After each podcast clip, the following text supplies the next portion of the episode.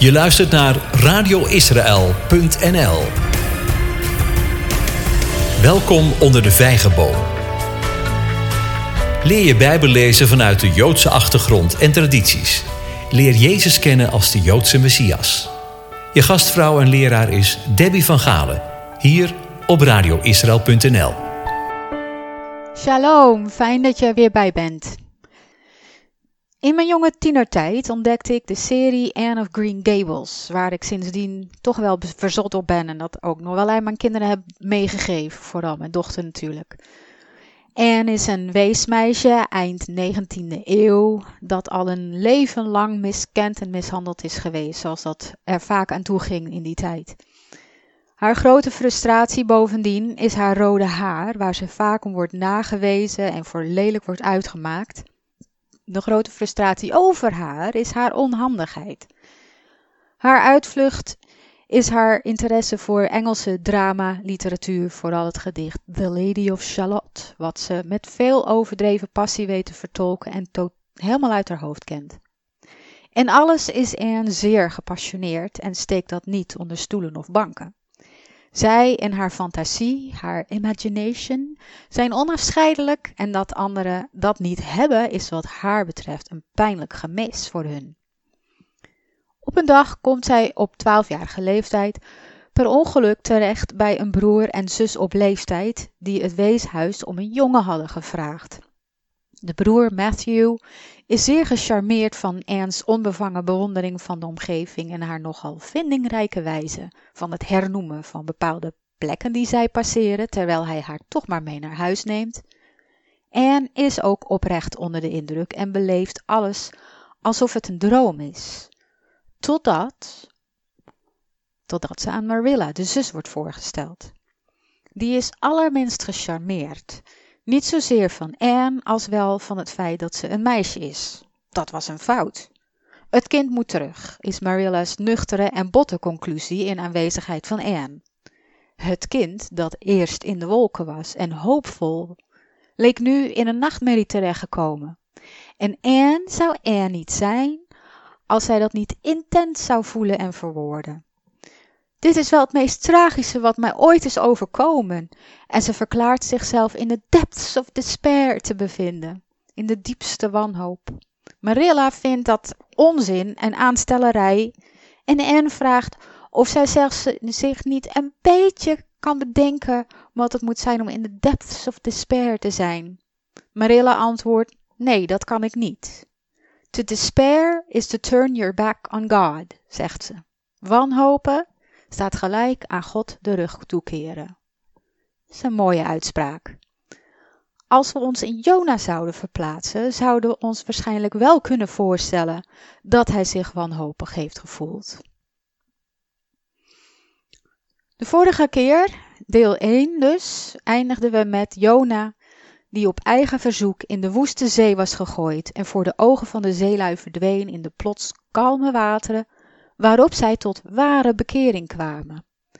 Het feit dat Jona zelf koos voor deze maatregel tot redding van de zeelui is een bewijsstuk voor de verwijzing naar de wijze waarop de leidende Messias, Jezus, zichzelf vrijwillig zou geven voor de redding van de wereld. Zoals Jona werd omgeven door de zee, wat beeldend is voor de volheid van de zonde van de wereld dat leidt tot de dood. Zo werd de zonde van de wereld met volle gewicht op de Messias gelegd. Hij nam het op zich en het werd op hem gelegd. Zoals de woestheid van de zee feitelijk de straf of het oordeel was voor de begane zonde, waar ook de zeelui onder leden, al hadden ze er niets mee te maken, zo onderging de Messias de straf voor alle zonden van de wereld, waar hij feitelijk niets mee te maken had. De toren van God is geweken van hen die Jezus offer aanvaarden, in volle wetenschap dat Hij de straf heeft gedragen om te voorkomen dat wij verloren zouden gaan. Zoals de woeste zee tot bedaren kwam na het tussen haakjes of aanhalingstekens offeren van Jona. Net als de zeelui, de heidenen, is ons beste respons dat van groot ontzag en eerbied voor Hem die zijn leven voor ons neerlegde. En om ons leven dan aan Hem toe te wijden, Jood of niet-Jood. We eindigden de vorige keer met de woorden dat God niet bang is voor een crisis. Dat Hij erop toe zal zien dat wij tot doel komen, het doel komen wat Hij voor ons leven heeft bedacht. Vorige keer zijn we geëindigd met Jona 1 vers 16. Dus nu gaan we verder met Jona 1 vers 17. En de Heere beschikte een grote vis om Jona op te slokken. Jona was drie dagen en drie nachten in het binnenste van de vis. Naar deze vers verwees Jezus als het teken van Jona. Het Hebreeuwse woord voor beschikt is hier mana, dat zowel tellen als toewijzen betekenen kan. In deze context betekent het toewijzen. Met andere woorden, de Heere wees een grote vis aan Jona toe. Hetgeen erop wijst dat deze vis speciaal voor Jona door God was bedacht. Dit was om te voorkomen dat Jona zou verdrinken. En hier zien we een demonstratie van Gods soevereiniteit over zijn schepping en daarmee zijn totale controle over de situatie. Het woord heeft trouwens geen relatie met het woord manna, of manna, het woord uh, of het brood dat de Israëlieten in de woestijn voeden. Um, vers 17. Om Jona op te slokken. Vraag je, hoe slokte de vis Jona op?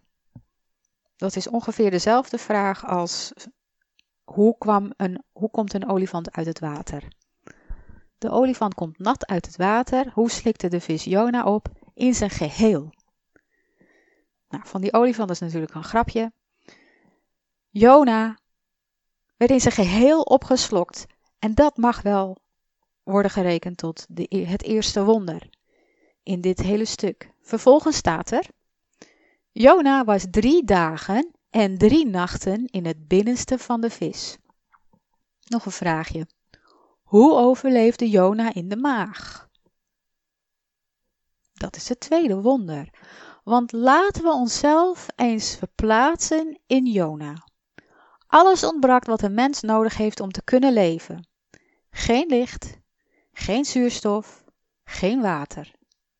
Bovendien zijn maagzappen, waar Jona door omgeven was, een zeer sterk verterend vloeistof. Voor zover wij weten, werd hij niet verteerd. Als laatste had hij geen bewegingsruimte. Alles bij elkaar zou een mens zijn verstand verliezen, want Jona, maar Jona bleef bij zijn volle verstand. Dat is het derde wonder. Dus, hoe overleefde hij in de maag? De Talmud legt uit dat Jona als een embryo in de baarmoeder werd. Dit is een interessante stelling wanneer we kijken naar het Hebreeuwse woord voor baarmoeder, regem. Resh, get, mem. Regem. Dat van dezelfde origine is als racham. Nog steeds resh, get, mem. Racham, dat compassie betekent, ontferming, genade, mededogen. In de Bijbel zien we het woord compassie, genade, in connectie met de Heere God ook terug als een meervoudig woord in het Hebreeuwse rachamim. Dit duidt op de oneindigheid van zijn genade. Het wordt altijd vernieuwd en het is onuitputtelijk. Twee teksten die je later kunt opzoeken. Genesis 43 vers 14. Geen, oh, zelfs drie teksten. Genesis 43 vers 14. Deuteronomium 13, vers 17. Deuteronomium 13, vers 17. En Jeremia, ja, Jeremia 42, vers 12. Jeremia 42, vers 12. Goed, de conclusie. Jona overleefde drie dagen en drie nachten in de maag van de vis door het ultieme betoon van Gods compassie en genade, zoals een moeder die voor haar kind heeft. Waarom drie dagen en drie nachten? De Joodse traditie leert van oudsher dat een persoon echt gestorven is als die op de vierde dag na het uitblazen van de laatste adem niet meer wakker wordt. Voor die tijd is het nog mogelijk dat iemands geest in het eigen lichaam terugkeert. Het lichaam verkeerde dan in een diepe slaap. Het is daarom niet zo verwonderlijk dat Elia zich tot drie keer toe over de kleine Jona boog en de Heere smeekte de geest van de jongen weer te laten terugkeren in het lichaam. Ook Elisa maakte een vergelijkbare situatie mee. We gaan dan even met z'n allen naar 2 Koningen 4, 2 Koningen 4, vers 18 tot 37. 2 Koningen 4, vers 18 tot 37.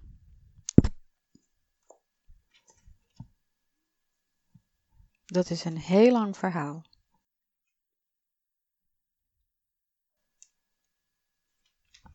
En dan moet ik hem natuurlijk zelf ook nog even vinden.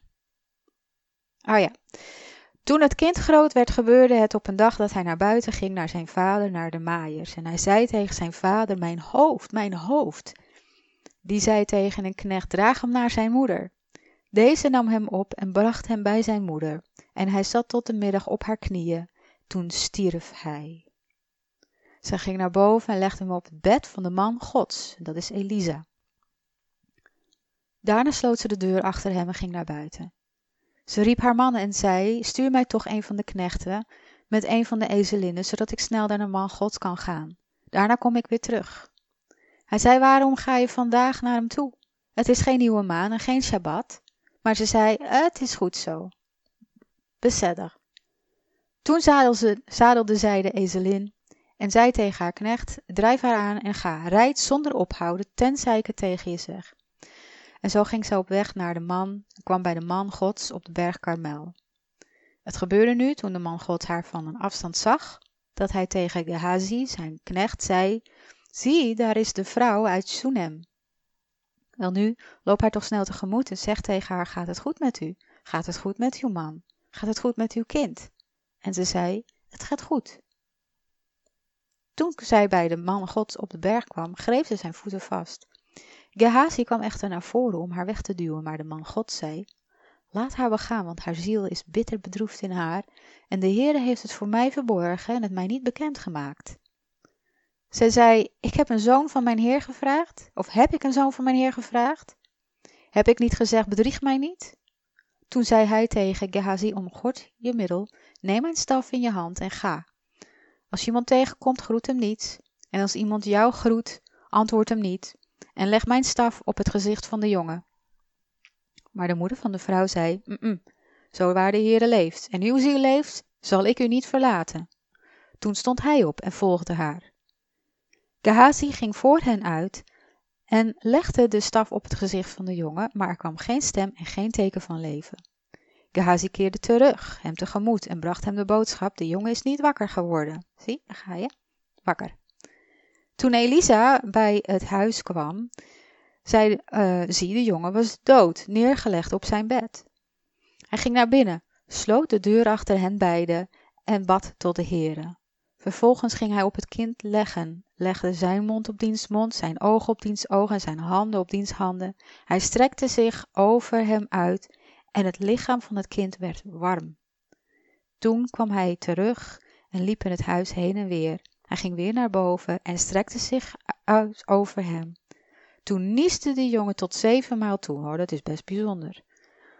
Dat is mij nog nooit gelukt. Daarna deed de jongen zijn ogen open. Hij riep Gehazi en zei, roep deze vrouw uit Soenem. En hij riep haar en ze kwam bij hem en hij zei, neem uw zoon op. Toen kwam zij, viel voor zijn voeten neer en boog zich ter aarde. Zij nam haar zoon op en ging naar buiten. Hier zien we dus die vergelijkbare situatie. En hier dus ook gewoon um, weer de woorden dat hij niet wakker werd. Maar op den duur ging men dit zien als theorie, die in de praktijk vrijwel nooit meer in werkelijkheid, uh, of werkelijkheid werd. In Johannes, het Johannesevangelie, hoofdstuk 11, lezen we dat Jezus de boodschap overgebracht krijgt dat zijn, Laz zijn vriend Lazarus ernstig ziek was en zou sterven. Tot ieders verbazing vertoonde Jezus geen haast om naar zijn vriend te gaan. Als hij toch iemand zou willen genezen, dan was het toch zeker Lazarus wel. Deze ziekte is niet tot de dood, zei hij. Maar ondertussen stierf Lazarus wel. Pas op de vierde dag na Lazarus' dood arriveerde Jezus in Betanië en Maria's reactie was: Als u hier eerder was geweest, had u nog wat voor hem kunnen doen. Nu is het te laat. Dit zei ze gebaseerd op wat zij vanuit de traditie waarin ze was opgegroeid wist. Hij was al meer dan drie dagen en nachten geleden overleden. Des te groter was Lazarus opstaan uit de dood een wonder. Het was ware wederopstanding. Een voorproefje, profetie, een troost vooraf van wat hij zelf zou ondergaan, maar wat zijn vrienden nog niet begrepen. In een andere situatie wordt Jezus uitgelachen, namelijk in het geval van het dochtertje van Jairus. Ze slaapt, had hij gezegd. Hebben we hier ook net gelezen in het stuk in Twee Koningen. Gezien de traditie klopt dat. Maar men had dat allang al opgegeven en dat vertrouwen daarin. Zo werkte God in de dagen van de profeten, maar tegenwoordig niet meer. Herkenbaar? Wordt er in bepaalde kringen tegenwoordig ook niet net zo gesproken over Gods wonderen en tekenen in bijvoorbeeld handelingen? Dan horen we ook dat God alleen voor toen, niet meer voor nu. Is dat wel zo? Of ligt dat aan onszelf en onze tradities waaraan we zoveel waarde hechten? Wat voor de mens geldt, geldt ook voor de natie, voor Israël in het bijzonder. We lezen in Hosea 6. Hosea 6. De belofte voor het herstel van Israël, vers 1 en 2. Maar ik lees hem andersom. Begin met vers 2. Na twee dagen zal hij ons levend maken. Op de derde dag zal hij ons doen opstaan. En zullen wij voor zijn aangezicht leven. We hebben gezien hoe Israël in de verstrooiing terecht is gekomen. Het hele volk is in de verstrooiing terechtgekomen. En men dacht dat volk is verleden tijd, letterlijk. Is dood. Maar er waren nog geen drie dagen en drie nachten voorbij. En dan hebben we het over duizenden jaren. Eén dag, duizend jaar. Na twee dagen kon hij, dat kon nog. Er was nog steeds de mogelijkheid voor Israël om wakker te worden. En dat is gebeurd, maar wel nadat het volk zich weer tot God zou keren. Vers 1. Kom, laten wij terugkeren naar de Heere, want Hij heeft verscheurd, maar Hij zal ons genezen. Hij heeft geslagen en Hij zal ons verbinden. Voor heel de wereld en voor het verstrooide Joodse volk in het bijzonder was deze profetie een onmogelijkheid. Maar wij leven in de tijd dat wij getuigen zijn van het uitkomen van deze profetie. En dat zou ons met groot ontzag moeten vullen voor de God van Israël, die ook schepper is van hemel, aarde en zee. Dat is de les voor deze wereld in de bekering van de zeelui in Jona 1 vers 16. Wij zijn getuigen ervan dat God het onmogelijke, schijnbaar onmogelijke, mogelijk heeft gemaakt. Het is niet meer zo waar de Heere leeft die de Israëlieten geleid heeft uit het land Egypte. Nee, het is zo waar de Heere leeft die het nageslacht van het huis van Israël geleid heeft en die het gebracht heeft uit het land in het noorden en uit al de landen waarheen ik hen verdreven had. Zij zullen wonen in hun eigen land. Jeremia 23 vers 8. Jeremia 23 vers 8. Na zo'n 2000 jaar, dus twee dagen, is deze profetie werkelijkheid geworden. Hiermee zijn we er nog niet. Uiteindelijk draait alles om Gods eer. Zijn verzoeningsplan met zijn schepping, de voltooiing van zijn meesterplan. Dus we richten ons op de Messias, de leidende Messias wel te verstaan. In Johannes 2, vers 19 en 21, Johannes 2, vers 19 en 21, wijst Jezus op zichzelf wanneer hij tegen de Judese religieuze leiders zegt: breek deze tempel af en in drie dagen zal ik hem laten herrijzen, daarmee doelend op de tempel van zijn lichaam. Het voorzetsel in, in drie dagen. In deze tekst is het Griekse woordje en, gecombineerd met een tijdsaanduiding, drie dagen. Waar het in de meeste gevallen wordt vertaald als in, heeft het ook vele andere mogelijke vertalingen. Om deze tekst passend te maken met de gangbare Joodse traditie van die tijd, zullen we overnieuw naar de betekenis van dat voorzetsel moeten kijken. Dan zien we dat er een andere, zeldzaam gebruikte mogelijke vertaling bestaat, nadien. Laten we de tekst dus en drie dagen nadien zal ik hem laten herreizen. Dan kunnen we ook spreken van een ware wederopstanding, hetgeen nog een groter wonder is dan de wederopstanding van Lazarus en ook als zodanig zou worden geïnterpreteerd door zijn tijdsgenoten. Ten slotte overleed Lazarus op den duur weer, maar Jezus' opstanding uit de dood is de opstanding tot eeuwig leven.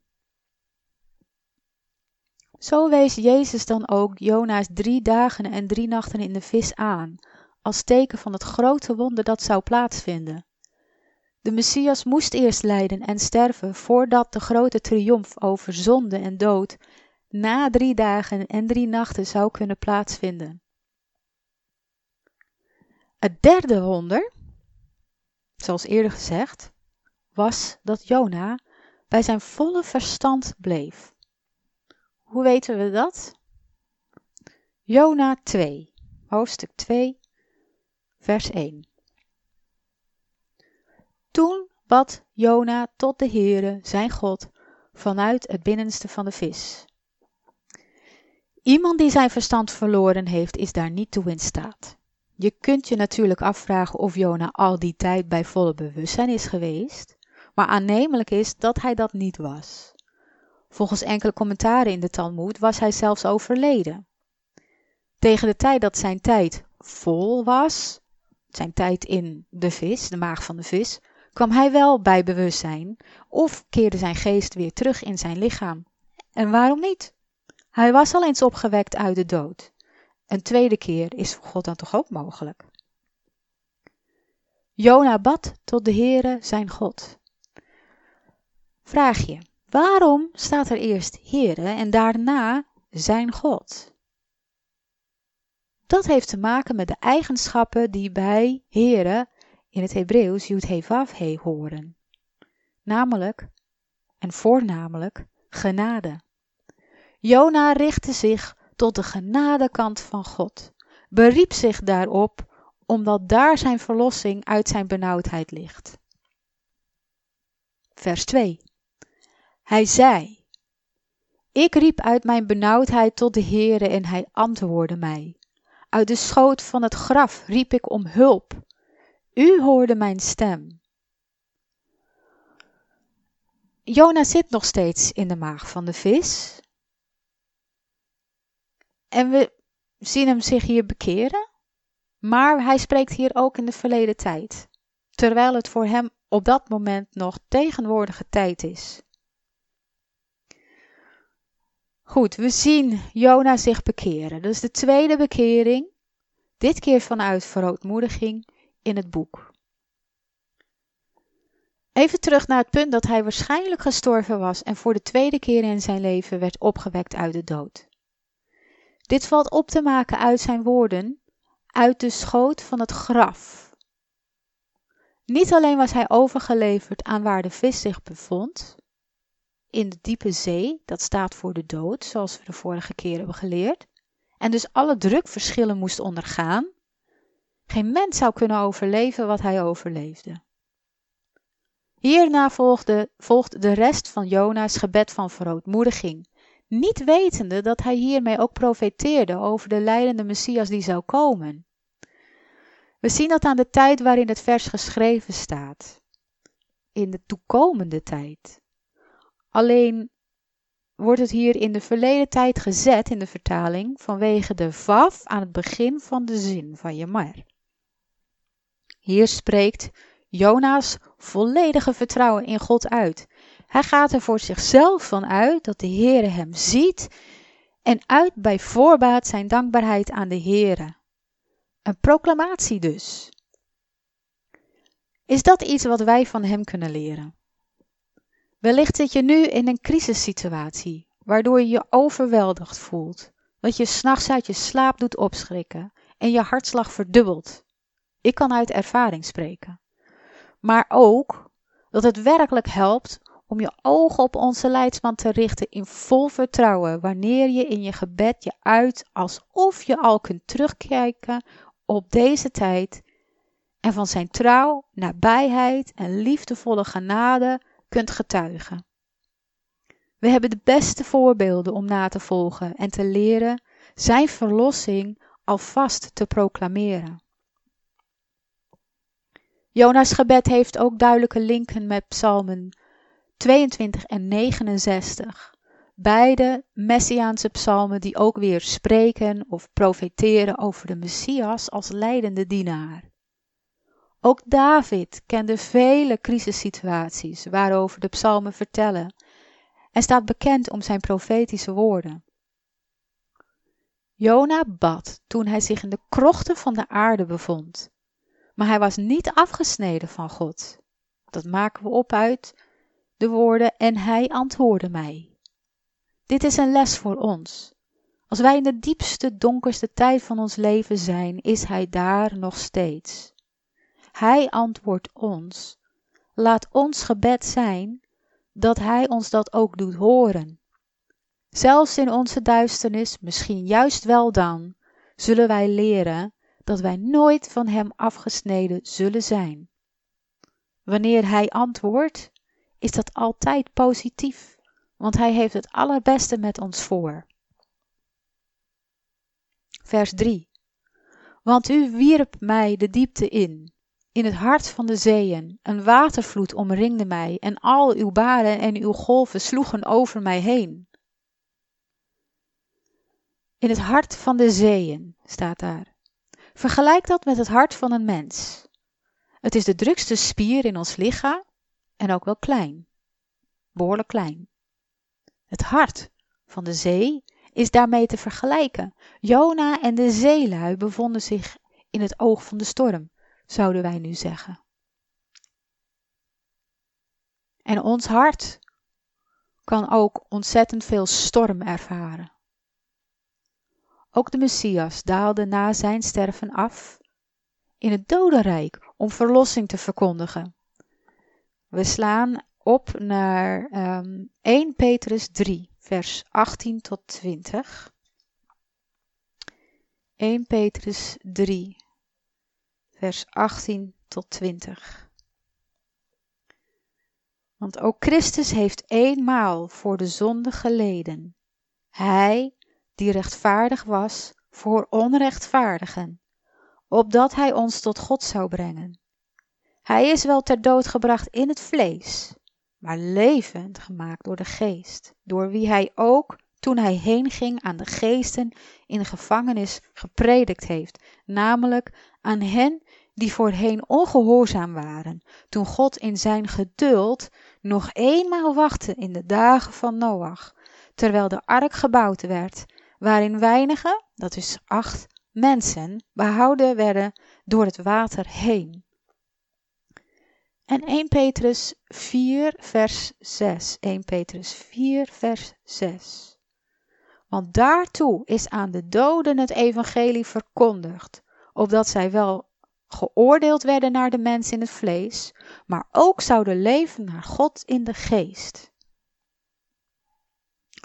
Jona's gebed beeldt ook uit de waterdoop, zoals in het geval van Noach en zijn gezin, die ook door de woeste wateren heen werden gered.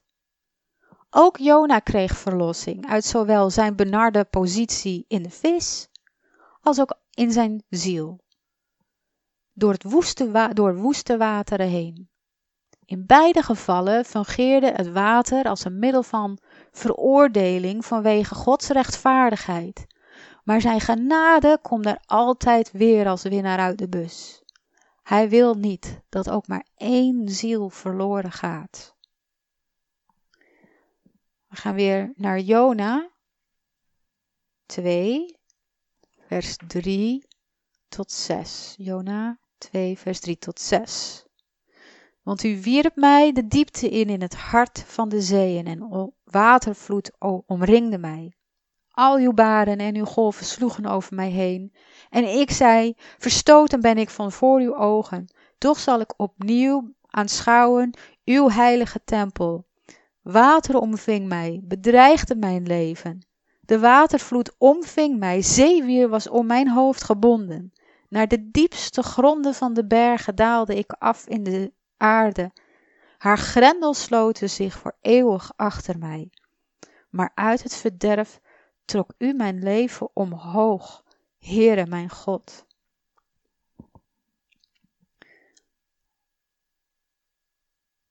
En ik zei, verstoten ben ik van voor uw ogen. En toch zal ik opnieuw aanschouwen uw heilige tempel. Voordat we hierop verder gaan, vers 3 tot en met 6 is de, zijn de versen die toelichten wat Jona in de eerste zin van vers 2 bad. Kijk maar. Ik riep uit mijn benauwdheid tot de Heere en hij antwoordde mij. En dan gaat hij daar dieper op in in vers 3 tot en met 6. Vergelijken we dat met Psalm 22 en dan vooral waar, waar hij zegt: Verstoten ben ik van voor uw ogen. Toch zal ik opnieuw aanschouwen uw heilige tempel. Psalm 22, vers 2 tot 21 en 21. Psalm 2, vers 2 en 21. Mijn God, mijn God, waarom hebt u mij verlaten? Bent u ver van mijn verlossing, van de woorden van mijn jammerklacht? Nou, die woorden kennen we natuurlijk hè, in verband met Jezus. En vers 21.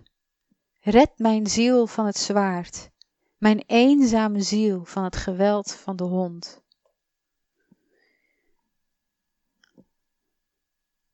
We hebben het al gezegd. Deze, in de Joodse traditie staat deze psalm bekend als een Messiaanse psalm. En Jona werd als het ware door het oordeel omgeven, wat een vooruitwijzing is naar de leidende Messias, Jezus, die in het lichaam, naar het vlees, ook door Gods oordeel werd omgeven. Als we Psalm 69, vers 1 en 2 er even bij halen, Psalm 69, vers 1 en 2, of eigenlijk 2 en 3. Verlos mij, o God, want het water is tot aan de ziel gekomen. Ik ben gezonken in bodemloze modder, waarin men niet kan staan. Ik ben gekomen in de waterdiepte en de vloed overspoelt mij. Nou, dit is interessant, want David heeft dit nog nooit meegemaakt.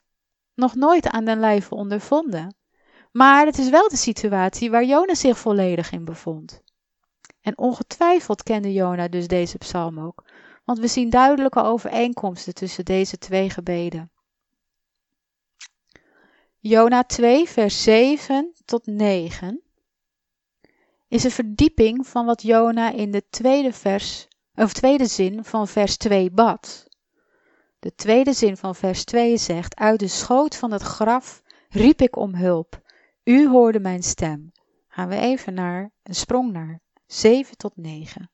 Toen mijn ziel in mij bezweek, dacht ik aan de Heere. Mijn gebed kwam tot u, in uw heilige tempel. Wie nietige afgoden vereren, verlaten hem die hun goedertieren is. En ik, met dankzegging, zal ik uw offers brengen. Want wat ik beloofd heb, zal ik nakomen. Het heil is van de Heere. Zie je? De laatste twee regels van vers 2 komen overeen met versen 7 tot 9. Let wel nogmaals, Jona zei, staat in de toekomende tijd in het Hebreeuws, maar door de vaf aan het begin werd het ook een gebed van het verleden. Jona bad vanuit volledig vertrouwen dat hij zich aan Gods genade kon overleveren. en alvast kon terugkijken op een goede afloop. Ook al werd hij duidelijk tussen hoop en wanhoop heen en weer geslingerd. Laten we even dieper gaan kijken naar vers 7. Toen mijn ziel in mij bezweek. Zowel lichamelijk als geestelijk was Jona er begrijpelijkerwijs beroerd van. Wie zou dat niet zijn? Hij had al drie dagen en drie nachten geen voedsel of water gehad. Het vasten op Yom Kippur is voor veel mensen al heel lastig om door te komen, laat staan drie dagen en drie nachten. Jona had al die tijd opgevouwen gezeten in de vis, was versteend geraakt daardoor. Maar zonder dat was hij ook wel dubbel geklapt van zwakte en wanhoop. Tegelijkertijd is dit een goed beeld van wat het met ons als mens doet wanneer wij zijn afgeweken van Gods weg voor ons. We raken geïsoleerd van Hem, omdat we zelf voor de afstand tussen Hem en onszelf hebben gekozen. Daarmee isoleren we ons ook van Zijn woord en verhongert onze ziel. Het raakt verzwakt door geestelijke honger en wordt vatbaar voor gevoelens van wanhoop. Als dit is hoe je er nu bij zit, dan geeft Jona een goed voorbeeld voor wat je kunt doen om uit de depths of despair te komen. A la Anne of Green Gables. Vers 7. Dacht ik aan de Heere, mijn gebed kwam tot u in uw heilige tempel. Hier is dus het voorbeeld. Jona's denken richtte zich weer op de Heere. Jona begon weer te bidden. Jona erkende dat zijn verlossing uit Jeruzalem uit waar God zetelde, de Heere zetelde, komt. Jona erkende God weer als zijn God. Met andere woorden, we zien hier Jona zich bekeren. Maken een sprong naar de laatste vers, vers 10. Toen sprak de Heere tot de vis en hij spuwde Jona uit op het droge. Wat deed God in het begin? In het allereerste begin?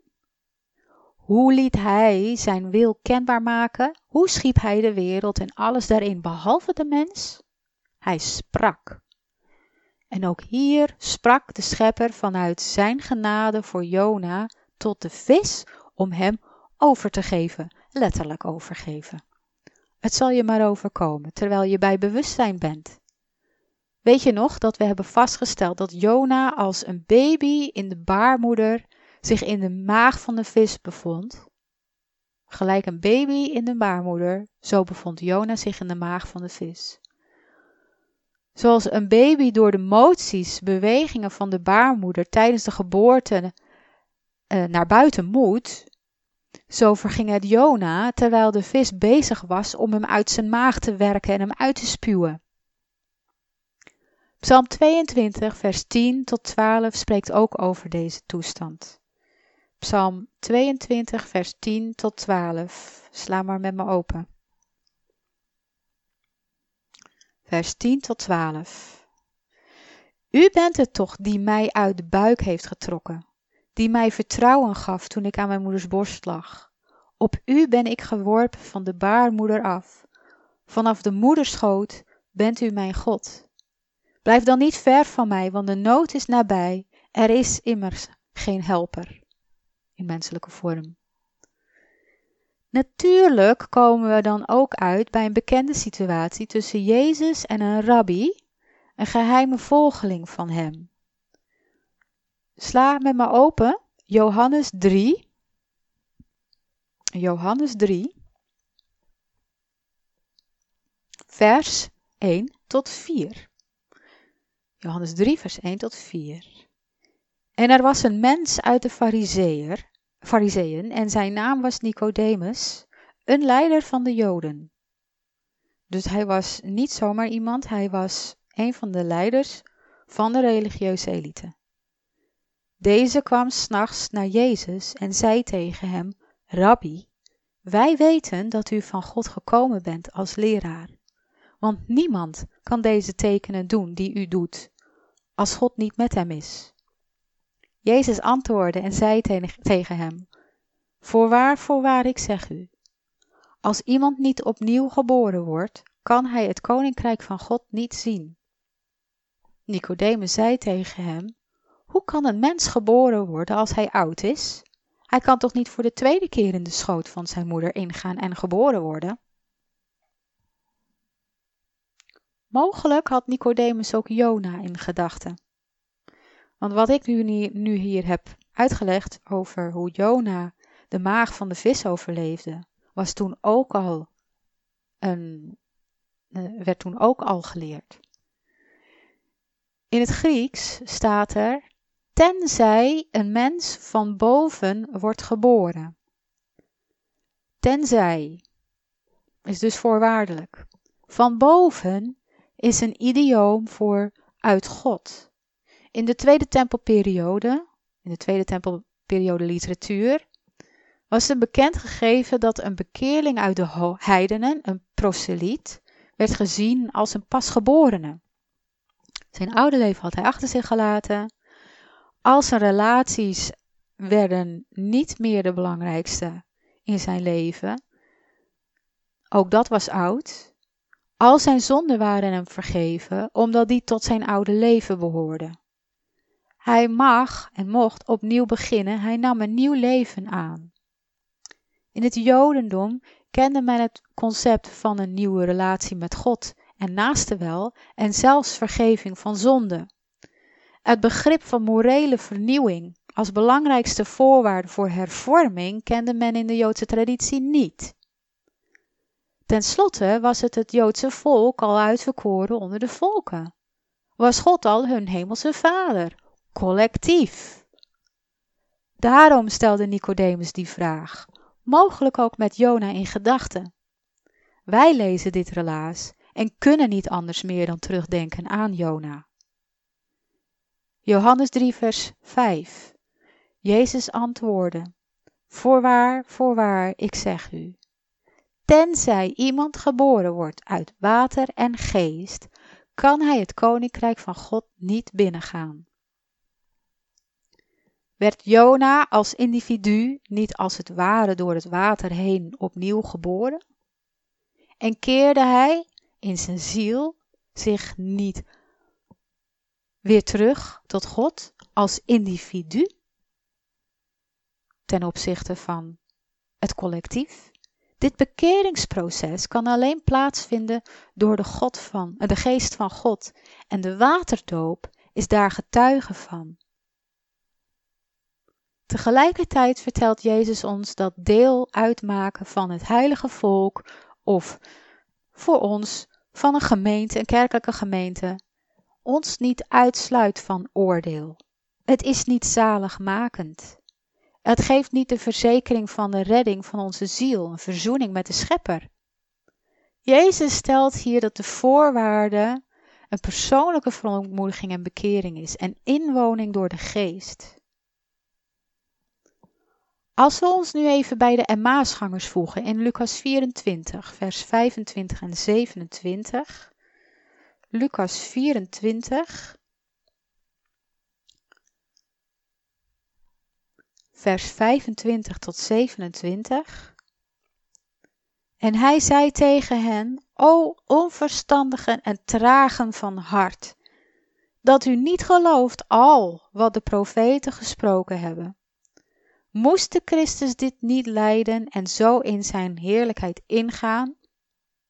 En hij begon bij Mozes en al de profeten en legde hun uit wat in al de schriften over hem stond. Wat al de profeten gesproken hebben. Dan hoort Jona daarbij. Heb je dat ooit gedacht? Moest de Christus niet lijden en zo zijn heerlijkheid binnengaan. De Messias moest eerst als leidende dienaar komen, iets wat Jezus tijdsgenoten en ook eigenlijk altijd is doorgetrokken binnen het rabbijns Jodendom. Die, de Messias als leidende dienaar is niet populair.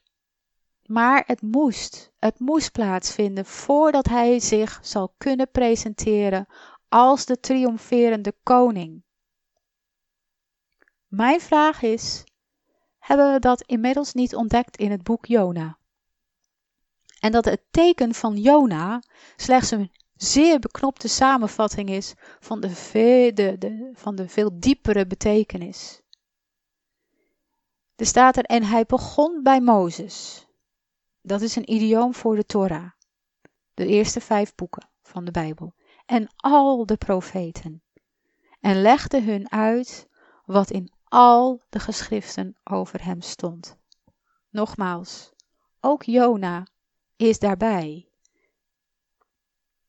Als laatste, Klaagliederen 3. Klaagliederen 3, vers 22 en 23. Klaagliederen 3, vers 22 en 23. Door de genade, de gunstbewijzen van de Heere zijn wij niet allen verteerd, want aan zijn ontferming, Rachamau, komt nooit een einde. Ze zijn nieuw elke morgen. Groot is uw trouw. Dit is de kern van het boek Jona. Hier draait het om. Tijdens Yom Kippur is dit ook waar het om draait. Het volle vertrouwen dat de Heer niet zal toelaten de zijnen en al wie hem aanroepen verloren gaan, omwille van wie hij zelf is, groot in zijn genade, ontferming en trouw. Want zichzelf verloochenen kan hij niet. Wie zou niet met deze wetenschap en overtuiging van zo'n heerlijke God houden? De eeuwige verlossing was niet aan, alleen aan Jona voorbehouden, maar viel ook de heidense zeeluid ten deel. Het valt ook ons ten deel wanneer wij ons bekeren van onze eigen wegen en terugkeren naar de zijne, ons overgeven aan de genade van God, veilig in Jezus' armen. Hiermee zijn we aan het einde gekomen van de studie. De volgende keer hoofdstuk 3, want daar is ook weer veel over te zeggen. Dus we sluiten de Bijbelstudie voor vandaag af. Heb je vragen of wil je een reactie geven op de studie van vandaag en wil je daar mijn respons op? Volgende week zal dit uur daaraan gewijd zijn. Vul het reactieformulier op onze website in en doe er lekker je best op. Vond je dit een fijne Bijbelstudie? Laat het ons ook weten op Facebook. Vragen of reacties die tot woensdag aanstaande zijn achtergelaten, zullen aan bod kunnen komen tijdens de uitzending. Hartelijk dank voor het luisteren. Ik heet Debbie van Galen en je luisterde naar Onder de Vijgenboom, het Bijbelstudieprogramma van radioisrael.nl. God zegen en vrede voor jou en leed rood.